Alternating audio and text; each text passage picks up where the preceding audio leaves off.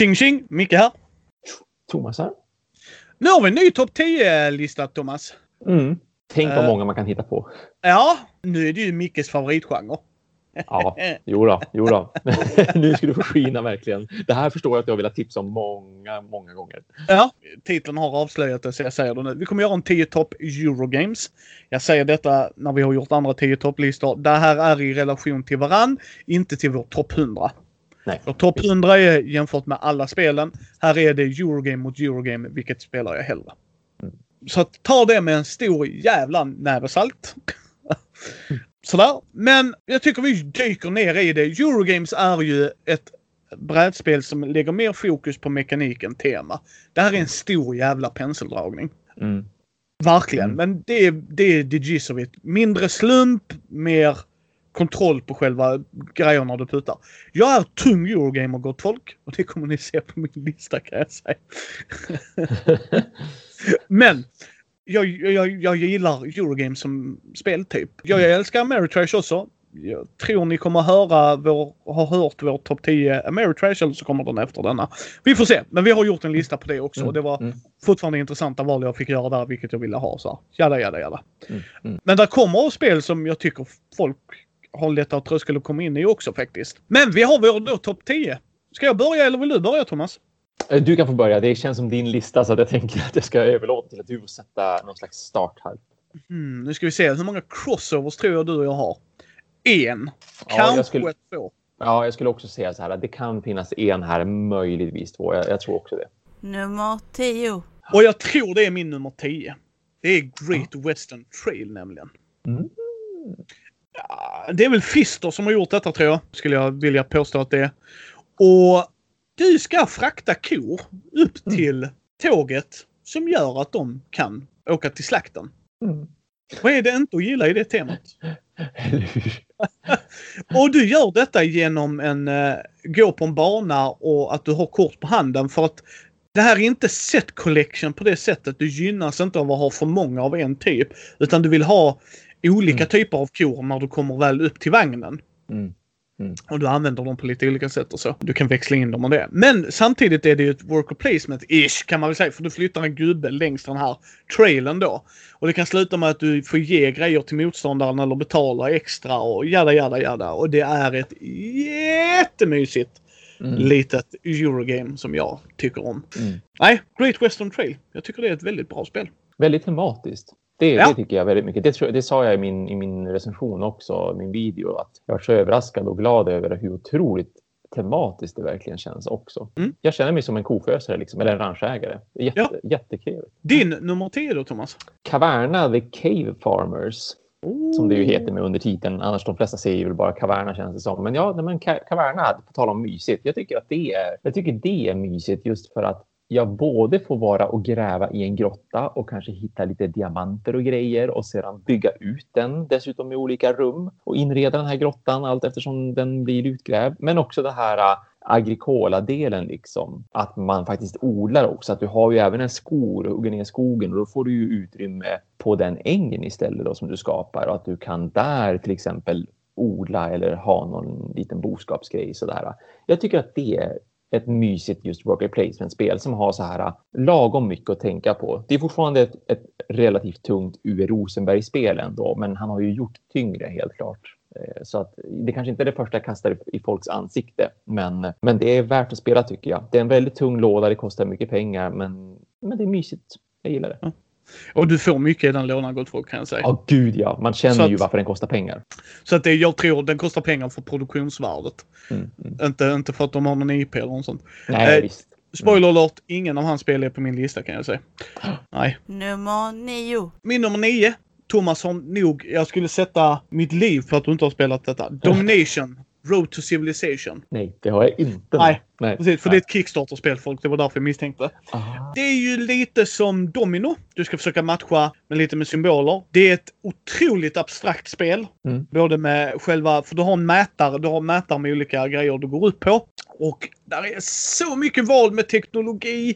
För det, man kan bygga wonders. Och, nej, alltså det här är, det är så svårt för mig att förklara. Men du har brickor framför dig som du kan lägga ut. På de brickorna kan du bygga dina städer. Beroende på hur du bygger dina städer och beroende på vad du har för alltså, poänggold, för du får ett kort som säger rör dig mot det här. Du får en liten riktlinje på det. Mm. Mycket, mycket bra spel. Första eh, genomspelningarna av det och vi kommer att spela mer av det.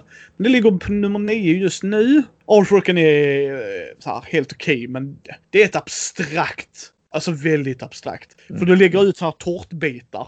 Och om du får ihop en hel tårta så händer andra grejer. Och sen har du teknologier du kan köpa som hjälper dig med andra saker. Och, och sen gäller det att få poäng genom de olika erorna och det. Ja, det är Mm. mycket, mycket intressant spel. Domination, Road to Civilization. Det är nummer nio, Thomas. Jag har en till Uwe Rosenberg. Ja.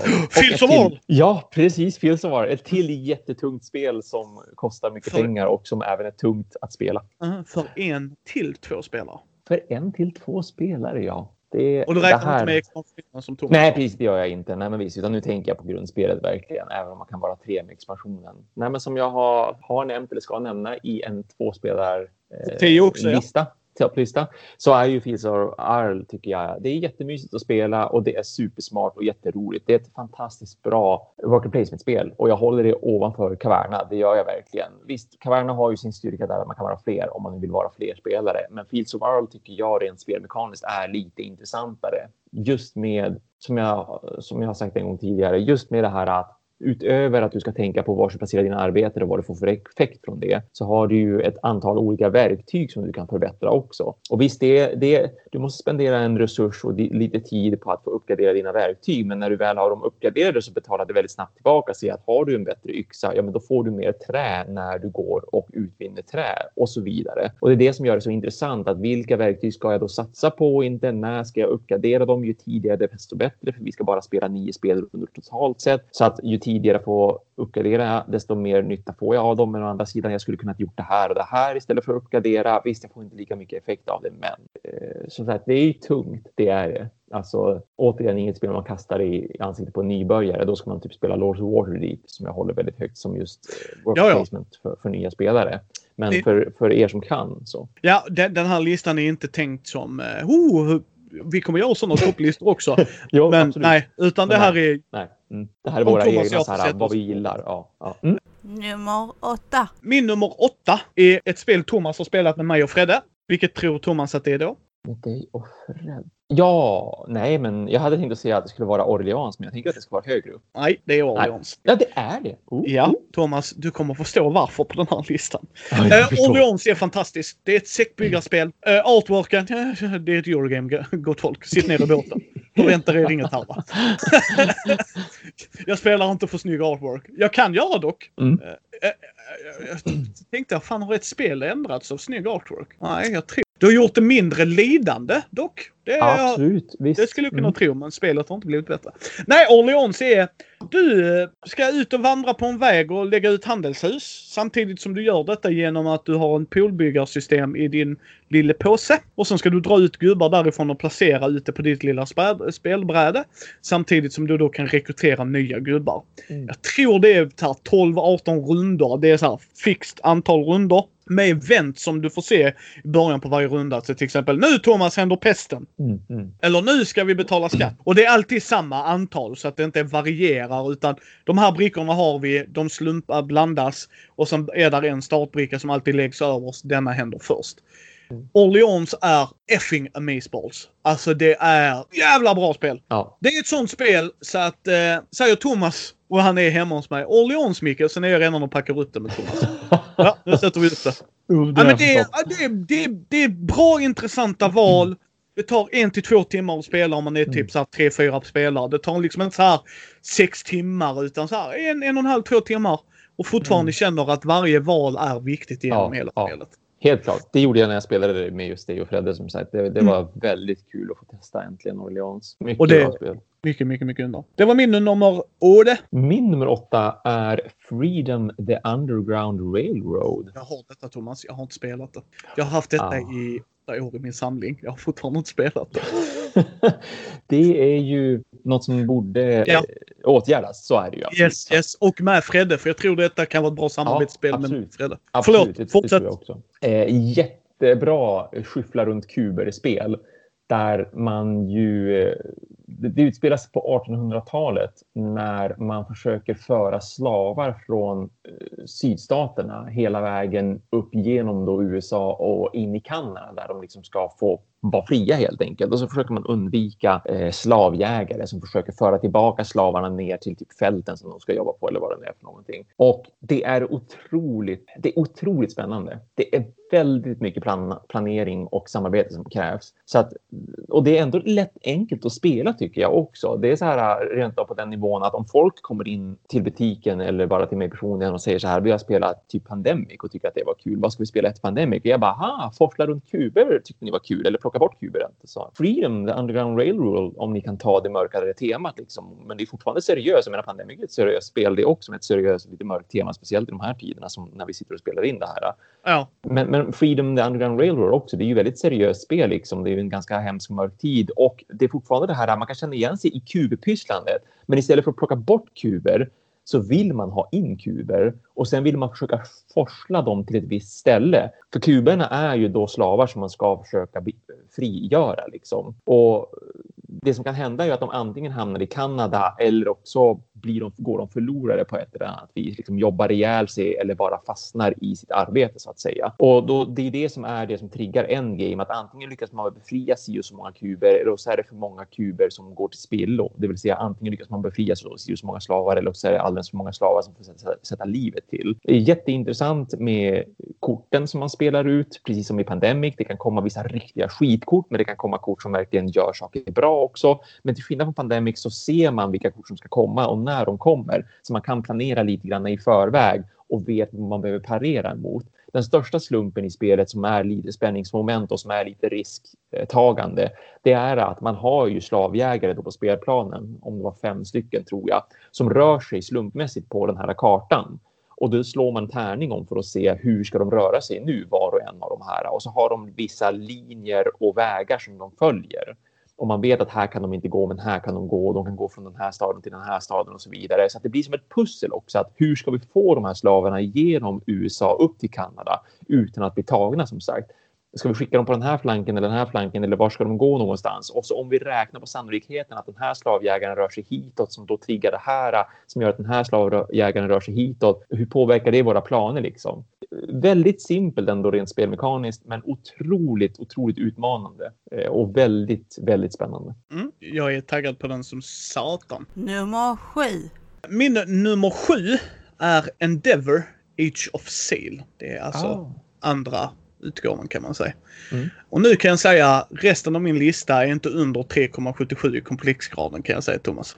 Ja. Ja. Jag förstår. Så att detta, nu, nu, nu, nu sitter vi ner i båten Thomas. ja, Men eh, Endeavor, sjukt bra, bra spel. Ida gillar det, har spelat det med oss. Handlar om att man ska ut och sätta ut sina diskar. Åtta runder har du på dig. Har olika Mm. mätare du går upp på som styr vad du kan göra och inte kan göra. Det är lite area control på kartan, men det är uppenbart hela tiden. Den här konflikten i det här spelet blir uppenbar. Varför skjuter Thomas mig här? För att han får 10 Mm. poäng, Kalle. Därför skjuter Thomas dig där. Liksom. ja, Det, väldigt det, enkelt. ja, men Matte, det, liksom. det, det är liksom, eh, jag har spelat det med folk som inte uppskattar konflikt men så i det här spelet funkar det för det var uppenbart. Det var Mm. liksom, det här är Mm. varför han anfaller mig här. Det har Mm. ingenting med Mm. något annat att göra. Så att, ja, Endeavor, Age of Sail, nummer sju. Ta en titt på det. Din sjua Thomas. Min sjua är Terra Mystica. Och där skulle jag potentiellt ha placerat då uppföljaren Gaia Project om jag hade fått spela det. Men tyvärr så har jag fortfarande inte spelat Gaia Project. jag har inte spelat det heller och det är också Ja. i min eh, Ja, hylla. det, det, det är ju verkligen på att spela listan och jag känner ju folk som har Gaia Project och vi har försökt att styra upp ett spelmöte men det har bara inte lyckats helt enkelt. Ja, under det här året så har det varit extremt svårt att, lyckas Ja. med någonting 2020 liksom. Men eh, hur som helst, Terra Mystica, man, man tar ju kontrollen över en av 14 stycken fraktioner i en sån här fantasyvärld. Som, förlåt Thomas, Ja. som också är dubbelsidiga. ja, visst, visst. Jag vill bara flika in det. Visst, Det är visst. det som är så Mm. intressant med det här spelet. Att de har fan i mig nyttjat varenda liten detalj på de här grejerna. Ja, Fortsätt ja. min vän. Men de är dubbelsidiga och bägge sidorna är inte likadana. Nej, precis. Att man kan ju få mycket variation till hur man ska spela. Och, och fraktionerna spelas ju så himla olika också. Det gäller verkligen att kunna varje fraktion och förstå vad den ska göra för att man ska kunna vinna överhuvudtaget. Ja, där är ju asymmetri i det ju. Så att, Ja, ja. Ja, på det stora hela det man ska göra är att man ska försöka expandera sin civilisation så mycket som möjligt och att så här, man ska försöka dra nytta av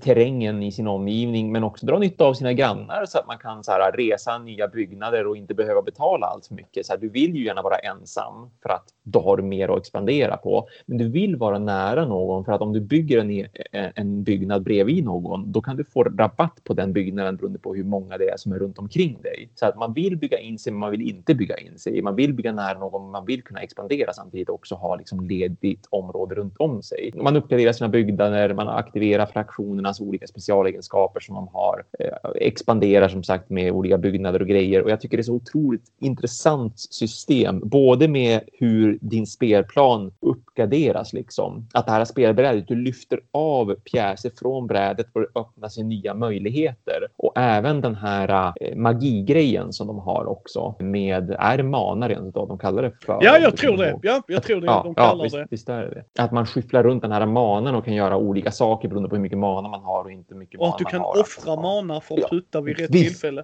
Ja, ja. Nej, jättebra tycker jag. Det finns många bra lag till det här spelet och att det håller verkligen för liksom flera hundratals spelpartier tycker jag. Ja. Sen finns det ju många intressanta expansioner. Jag har inte testat någon av dem. Har hört mycket Eh, gott om dem.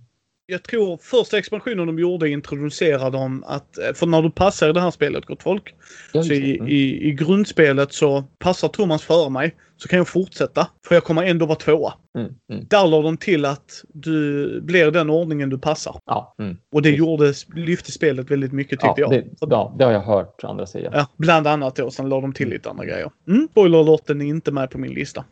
inte för att det är ett dåligt spel, utan för nu har Micke spelat andra. Ja, jag förstår det. Nummer 6. Nu kommer, nej jag kan bara erkänna, nu kommer första eh, vittespelet vi tar där. Ja, just det. Ja, såklart. Detta är Vinjos. Deluxe Mm. edition är den jag har. Ja, vem vill inte göra vin och sälja vin?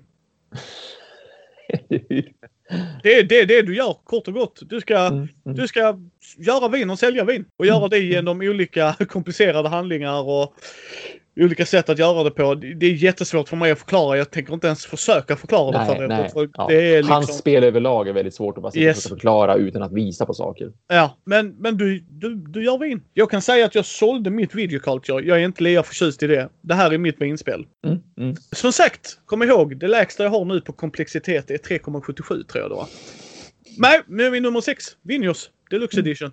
Jag har ett krigsspel och det är Shogun. Ja, Eh, Det, det är jag väldigt förtjust i. Det är ett sånt där krigsspel som jag alltid kan spela när som helst om vi är ett par stycken. För jag tycker det är så otroligt intressant med både hur det funkar med att man ska blanda och vara lite oklar och osäker över när får man göra saker i det här spelet? När får vi eh, dra in skatt? När får vi rekrytera soldater? När får man anfalla och så vidare? Att man inte är helt säker från omgång eller från spelrunda till spelrunda när de här sakerna sker utan att det blandas och blir olika varje gång. Med då det här just att man vill expandera, man vill kriga, men man vill samtidigt inte kriga för mycket.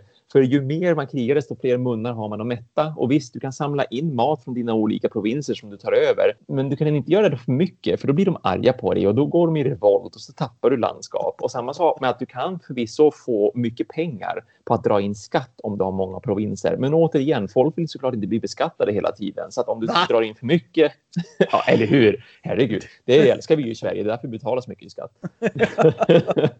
så att där kan man också då få revolt av att du, att du beskattar för mycket. Och så att man inte som sagt just vet heller att när kan man anfalla, när kan man inte anfalla, när kan jag rusta upp mig för ett försvar? Det beror ju på från spelrunda till spelrunda till spelrunda i vilken ordning vi får göra de här grejerna. Så att det är lite svårt att planera vem jag ska anfalla och när och när jag kan försvara mig bra och sådär. Ja, jag tycker det är jätteintressant spelmekanik. Otroligt intressant. ja nej, ja, jag diggar Shogun. Fredde var inte lika förtjust som jag och Martin i det. Men eh, vi tyckte om det. Och kryptornet. Ja, Ja, eller hur? mycket, mycket, intressant. mycket, mycket intressant. Nummer 5. Min nummer fem är Teotihuacana City of Gods. Teotihuacana City of Gods heter det. Jag, jag Mycket har jättesvårt. Så det är Teotihuacana. Alla vet vad jag menar ändå. Det kommer vara en länk i show notesen så ni kommer kunna klicka in på det. Du bygger ett tempel i mitten. Du gör detta med hjälp av tärningar.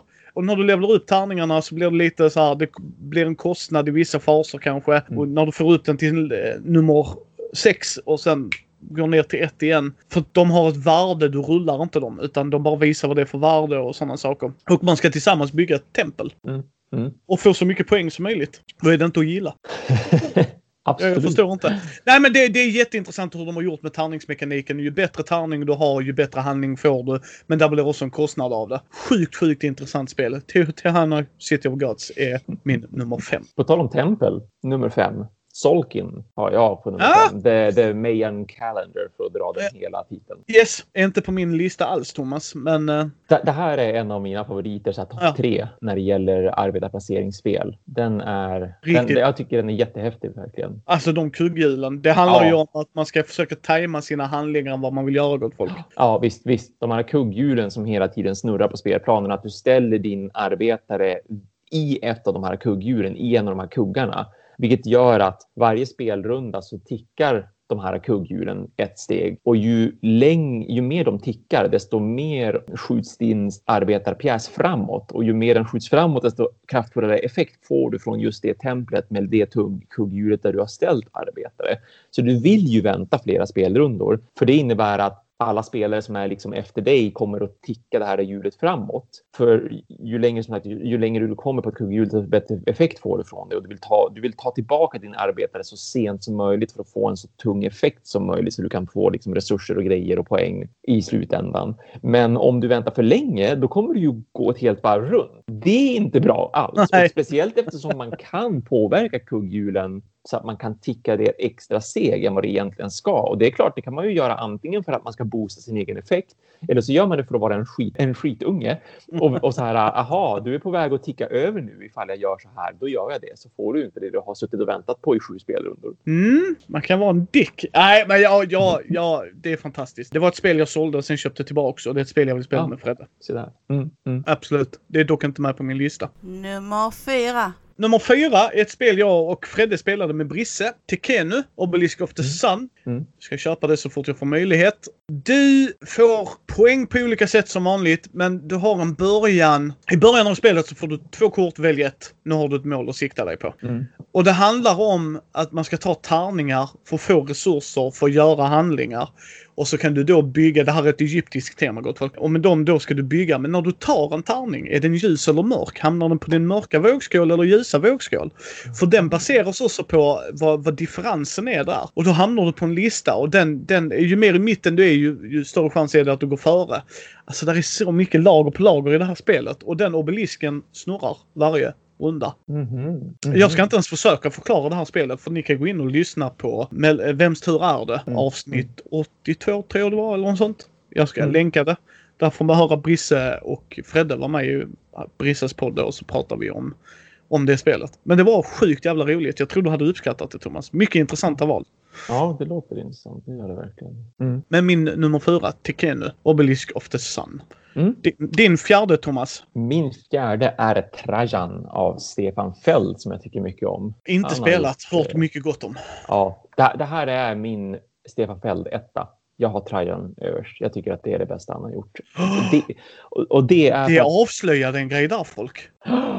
det kommer inga fler tra, eh, Stefan Feld-spel Nej, och då Nej, har du precis. inte Great Western Trail med. What the fuck, vänta nu. Jag har missat det här. Har, har Stefan Feld gjort Great Western Trail? Yes. har jag, jag har missat att det är hans namn faktiskt. Det hade jag Är det ingen inte aning det? Jag, jag kan säga fel här också. Nu får vi googla här. Ja, jag, jag är inne på Great Western Trail redan nu så trycker vi upp den där. Är Nej. Fister är det. Nej, jag tänkte väl det. Fister. Jag sa helt fel. Jag det sa helt- kändes inte alls som ett Nej, jag ber om ursäkt.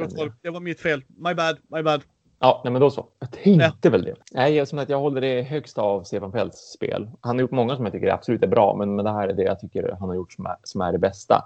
Eh, klurigt poängplockarspel där eh, det utspelar sig i romarriket 110 f.Kr. Och det som är intressant här, det är just spelmekaniken. Två stycken grejer. Dels att du har, du har som två stycken spelplaner. Du har din privata och så har du den här stora som alla kan påverka. Som har flera olika, vad ska man kalla det för? sektorer kan vi väl kalla det, att det är uppdelat i. Och man kan göra olika saker på olika ställen beroende på vilken handling man tar. Men det kluriga och märkliga, nästan dumma, nej, men det är hur man spelar spelet, hur man tar sina handlingar. För de som har spelat Kalaha, så abstrakt spel, vet exakt vad jag kommer att börja berätta om nu. Ni kommer verkligen att hänga med ordentligt i det här. För det du har på ditt spelbräde, det är att du har sex stycken kupoler som bara är avbildade. De är ju inte riktiga kupoler, det är inte ett bräde i 3D. Utan du, du har sex stycken kupoler som det ligger en massa kuber i. Och när det är din tur, då tar du upp alla kuber från en kupol och sen lägger du ut dem i Mesos ordning i de andra kupolerna. Så du går liksom ett varv runt. Har du, har du fem stycken kuber du tar upp från den ena kupolen, då lägger de en efter en efter en efter en och där den femte kuben hamnar, den handlingen gör du. För varje kupol är då kopplat till en handling och vilket ju hela tiden påverkar hur du måste väldigt, väldigt långsiktigt tänka vad du ska göra och när du ska göra det. För att så fort som en kub då hamnar i en kupol, då innebär det ju att när du hade, vi ser du hade tre stycken kuber i en kupol alldeles nyss. Så du vet att när du tar upp de tre kuberna, då kommer den handlingen du gör att vara tre kuber bort eftersom du kommer att placera ut tre stycken kuber om du tar upp kuberna från den kupolen. Men om du tar upp kuber från en annan kupol och du går ett varv runt, nu är det ju fyra kuber i den här kupolen som nyss bara hade tre kuber, vilket gör att när du tar upp de kuberna därifrån, då får du en helt annan handling istället.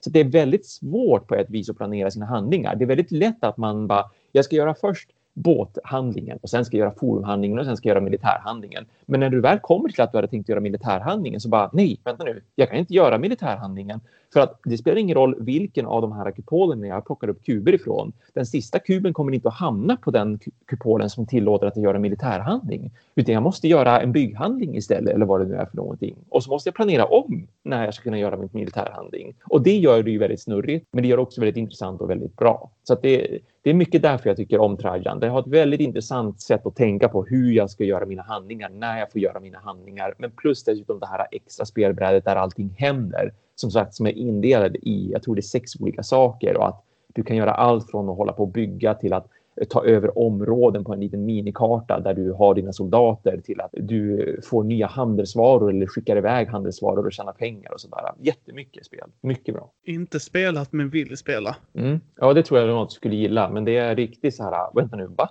När man börjar spela det på grund av just den här Kalaha-aktiga eh, mekaniken.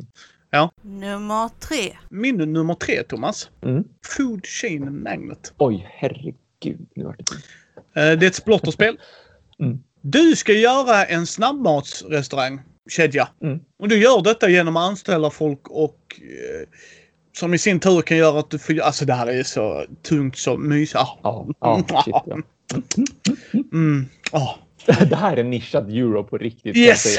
Det är ett fantastiskt spel. Det är ett fantastiskt spel. Det är ett fantastiskt spel. För det här... Jag älskar smarta Eurogames. Mm. Där din handling... Tema schmema brukar jag säga, men, men det ska vara kopplat. Varför puttar jag den här kuben? Att det behöver Mm. inte vara så här supertematiskt, det fattar jag. Men vad är anledningen? Varför puttar jag kuben? Vad, vad, vad ska det hjälpa mig i nästa steg? I det här handlar det om, jag anställer ju folk för att kunna göra bättre marknadsföring kanske. För att det är den Mm. strategin jag vill göra. Alltså, det handlar ju om att du ska få så mycket pengar, du ska bli så duktig som möjligt ju. Men valen jag gör på resan dit är väldigt intressanta och väldigt viktiga. För du kan hosa dig väldigt tidigt om du inte spelar bra. Och jag vet att vissa kanske inte gillar det. Och det respekterar jag till tusen. Men jag älskar det. Och Food Chain Magnet, brickorna du lägger ut och bygger ut på är vedervärdiga. Alltså de är inte snygga alls. Mm, nej. Men korten, de har verkligen en schysst så här 50-tals Ja. diner. Så Mm. där tycker jag att de har lyckats jättemycket. Och menyn som är hjälpreda med vad korten gör och Wincon. Alltså det är ju en meny. Du tittar, alltså där är Ja, visst. Det är, härligt. det är en snygg detalj. Mm. Nej, Food Chain Magnet, min nummer tre. Har du spelat den Thomas? Nej, jag har varit intresserad av att få huvudvärk någon gång, det vill säga spela det spelet. Jag, jag tycker att det verkar jätteintressant. Jag har kollat på en video som bland annat, bland annat Shut Up and Sit Downs video som de gjorde när spelet kom och det verkar intressant och jag vill absolut testa det någon gång. Men jag är Ja. beredd på att det kanske, jag tror att det kan vara för mycket för mig, men jag tror att jag kommer att tycka det är intressant Ja. fortfarande. Var, varför tror du det blir för mycket för dig? Jag tror att management-grejen med allting det här. Det verkar vara så otroligt mycket som händer hela tiden och att man blir väldigt överkörd när man är just en ny spelare och att man måste spela det ganska mycket kontinuerligt för att verkligen komma in i det. För det, det jag känner en, en, en kille, en kompis och en um, stamkund i butiken som har det här också som typ kanske hans favoritspel nästan. Det är åtminstone lätt topp tre. Men det han tycker är så synd varför han inte får det till bordet är att han måste spela det med likvärdiga för att han har spelat det så mycket att han, han märker ju det att man faller otroligt snabbt efter i det spelet om man inte spelar det mycket. Utan du Och kör så- över nybörjare. Och, och så är det med de tyngre. Ja, jo, men så är det ju generellt. Det ska sägas. Yes. Det är ju inte bara Ja. just splotterspel eller, eller eurospel överlag. Utan det Nej. just eller jag menar um, Food Chain Managed, utan det är ju Eurospel överlag är ju så att är de riktigt tunga, då blir det ju, ju bättre du är på spelet, desto mer kör du över din motståndare och det är det som är kul med dem också. Ja. det ju. Men din nummer tre, Thomas? Great Western Trail. Ja, det är det jag tänkte. Där är den. Där är den. Högt upp håller jag den och jag håller den högt upp just för att det är inte bara att jag tycker det är kul spelmekanik utan just det här temat. Alltså jag tycker att det är så himla solitt i spelet. Vad jag gör för någonting känns väldigt kofösaraktigt och hur man hanterar personalen och så här boskapen och vad som händer ute på spelplanen när man tar sig liksom igenom Texas. Ja, jag tycker det är jättebra verkligen. Ja, där, vi behöver nog inte prata mer om det. Vi pratade ju Mm. när jag nämnde det. Yes. Nummer två. Min nummer två, Kanban. Oh, Drivers där kom Edition. den. Mm. Vem vill inte vara en mellanchef på en bilfabrik, Thomas? Ah, Alltså, Ja. du sålde in mig direkt där Yes! med temat. Det här spelet, jag har en rolig anekdot till det. Jag Mm. nämnt i Mm. podden innan, men jag nämner det igen. Mm. Jag och Fredde vi spelar jättemycket tunga Eurogames. Fredde läste på och läste på och läste på. Och så skulle han lära ut spelet. Och så var först tanken att bara jag och Fredde skulle spela. Sen dök en jättegod vän upp till mig, eh, Oliver. Shoutout till dig gubben. Och så han har spelat med oss innan och så här, men inte riktigt de här typen av spel. Aha. Han har spelat mycket brädspel. Oliver är inte liksom Mm. så här ovan, utan han har mer... Han har spelat Twilight Imperium 3rd edition och verkligen... ja, ja, men då så. Mm. Alltså Mm. ab- absolut. Men, men de spelen har ju inte haft...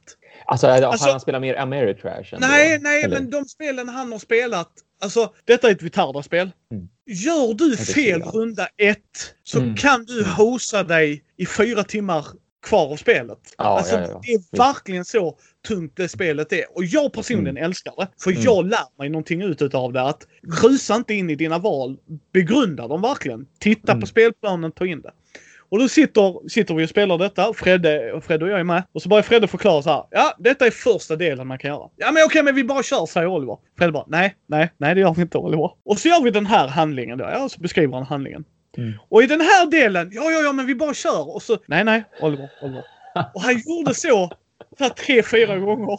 Och så säger Fredde, så Fredde bara, nej Oliver, nej, vänta nu. Och när Fredde förklarar sista delen, då Oliver bara, nu fattar jag varför. Ah, ja, sådär, han fattar varför. Alltså, det det var var, varför det var nu, viktigt. nu förstår jag varför. För varje del har med en annan del att göra. Du kan liksom inte så här quickshitta dig emellan. Så bara, ja, men då, om, jag, om jag gör den här... Nej, nej, nej, nej, nej, nej. Varje del för sig behöver förklaras. Mm. För att i sin tur sen ge dig en Mm. bättre förutsättning för nästa del.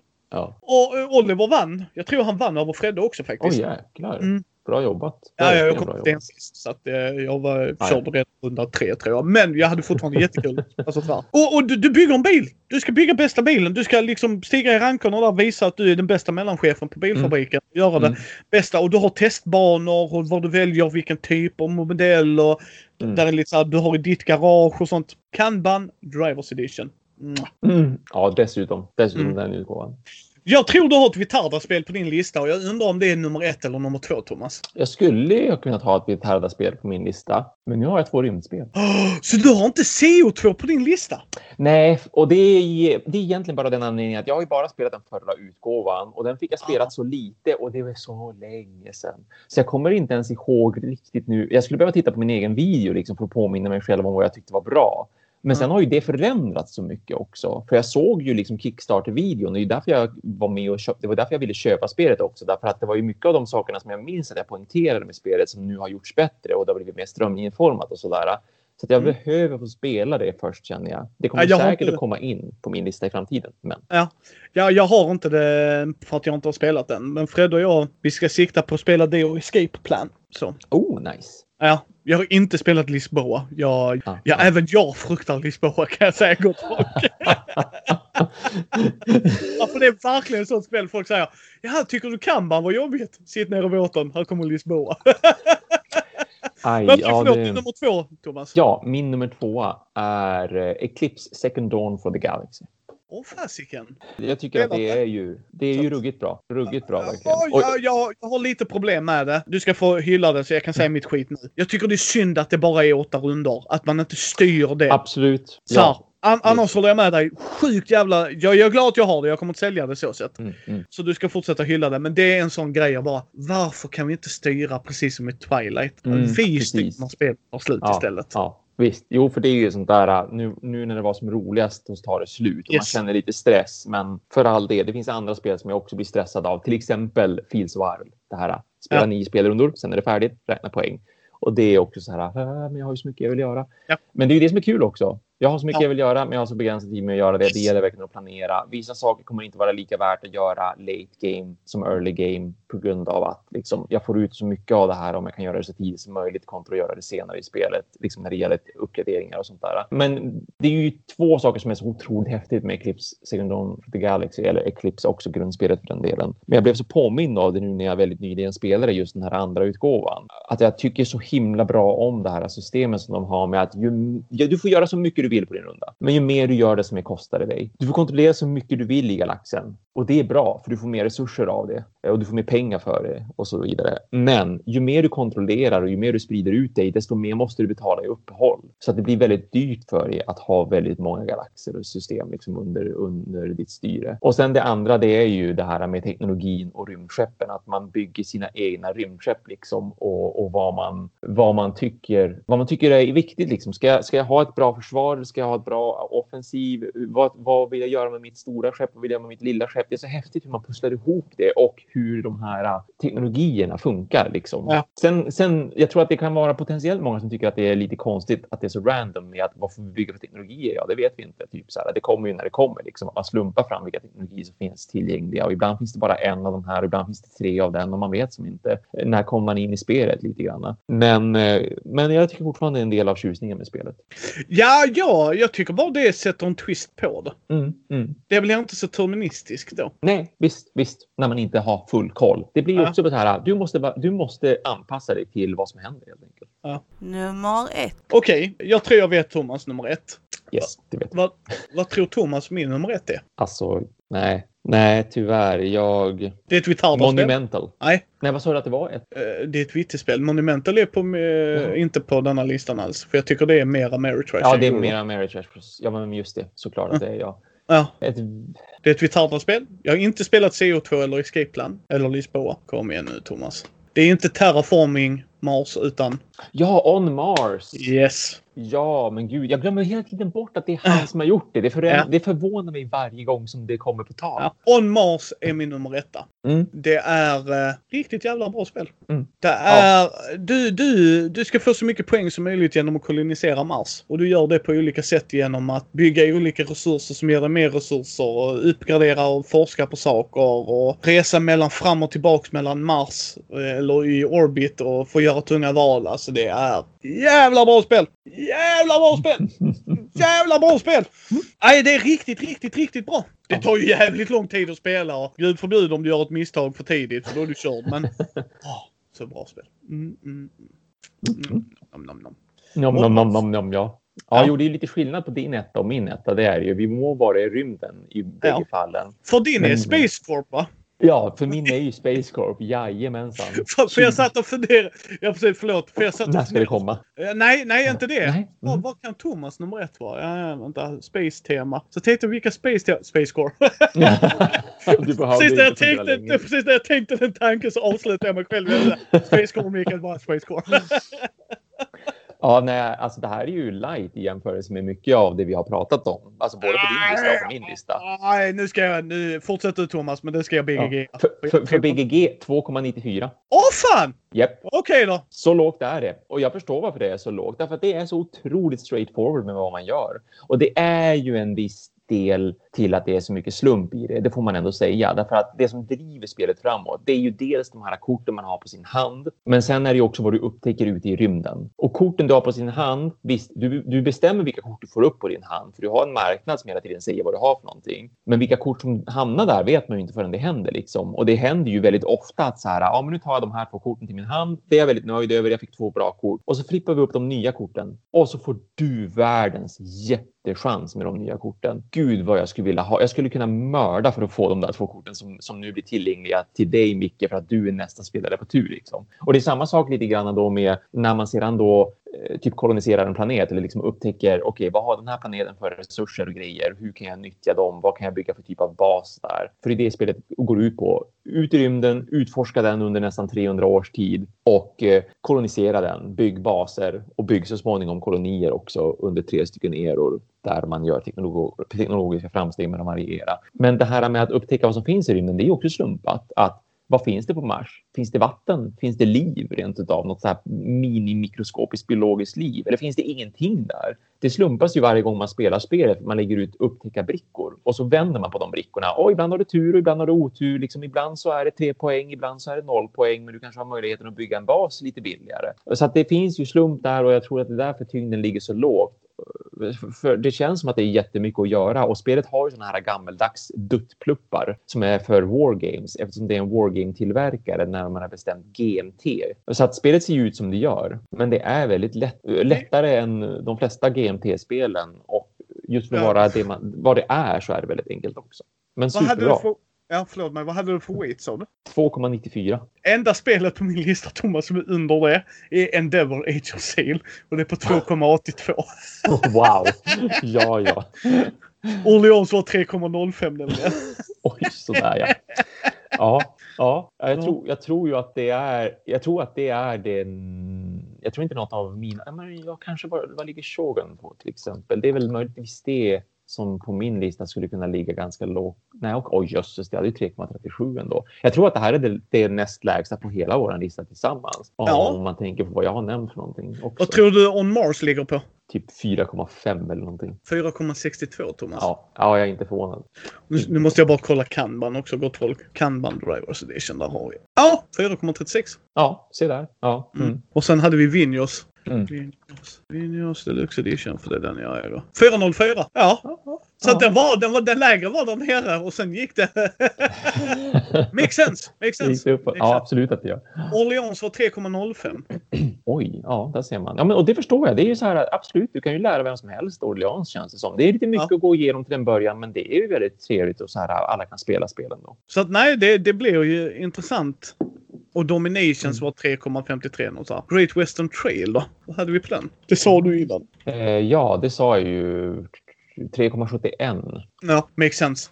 Nej, så där har ni eh, våra Eurogames. Hoppas ni hittar någonting som eh, kanske ger tips och tricks på hur ni vill göra. Mm. Kanske kan uh, upptäcka något nytt Eurogame som man inte har en del har hört talas om, vilket det kanske har lite svårt att tro för om man bara gillar den här typen av spel. Men uh, ändå, att, att, nu när vi rankar våra liksom, topp 10 så kanske man ändå kan så här, jaha, det är så bra tycker han, men då kanske jag ska ge det en extra till.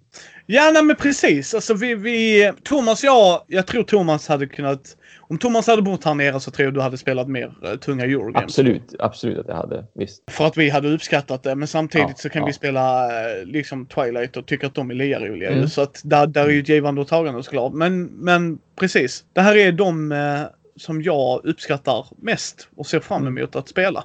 Mm. Men eh, då, då får vi passa och tacka, på, tacka för att ni har lyssnat. Vilket är ert bästa Eurogames, kära lyssnare. Och ni hittar ju Conor Dager på Conor Dager recenserar Facebookgrupp och på fantastiska Youtube-kanalen as per usual. Yes. Ja, ni hittar oss på mindy.nu, Mindys bräd och rollspelspodd på Facebook, Twitter, Instagram, Youtube. Gå gärna in och ge oss ett betyg på iTunes eller på vår Facebook-sida så fler kan hitta oss. Och vill ni stötta oss så ta en titt på vår Patreon. Så hörs vi nästa gång.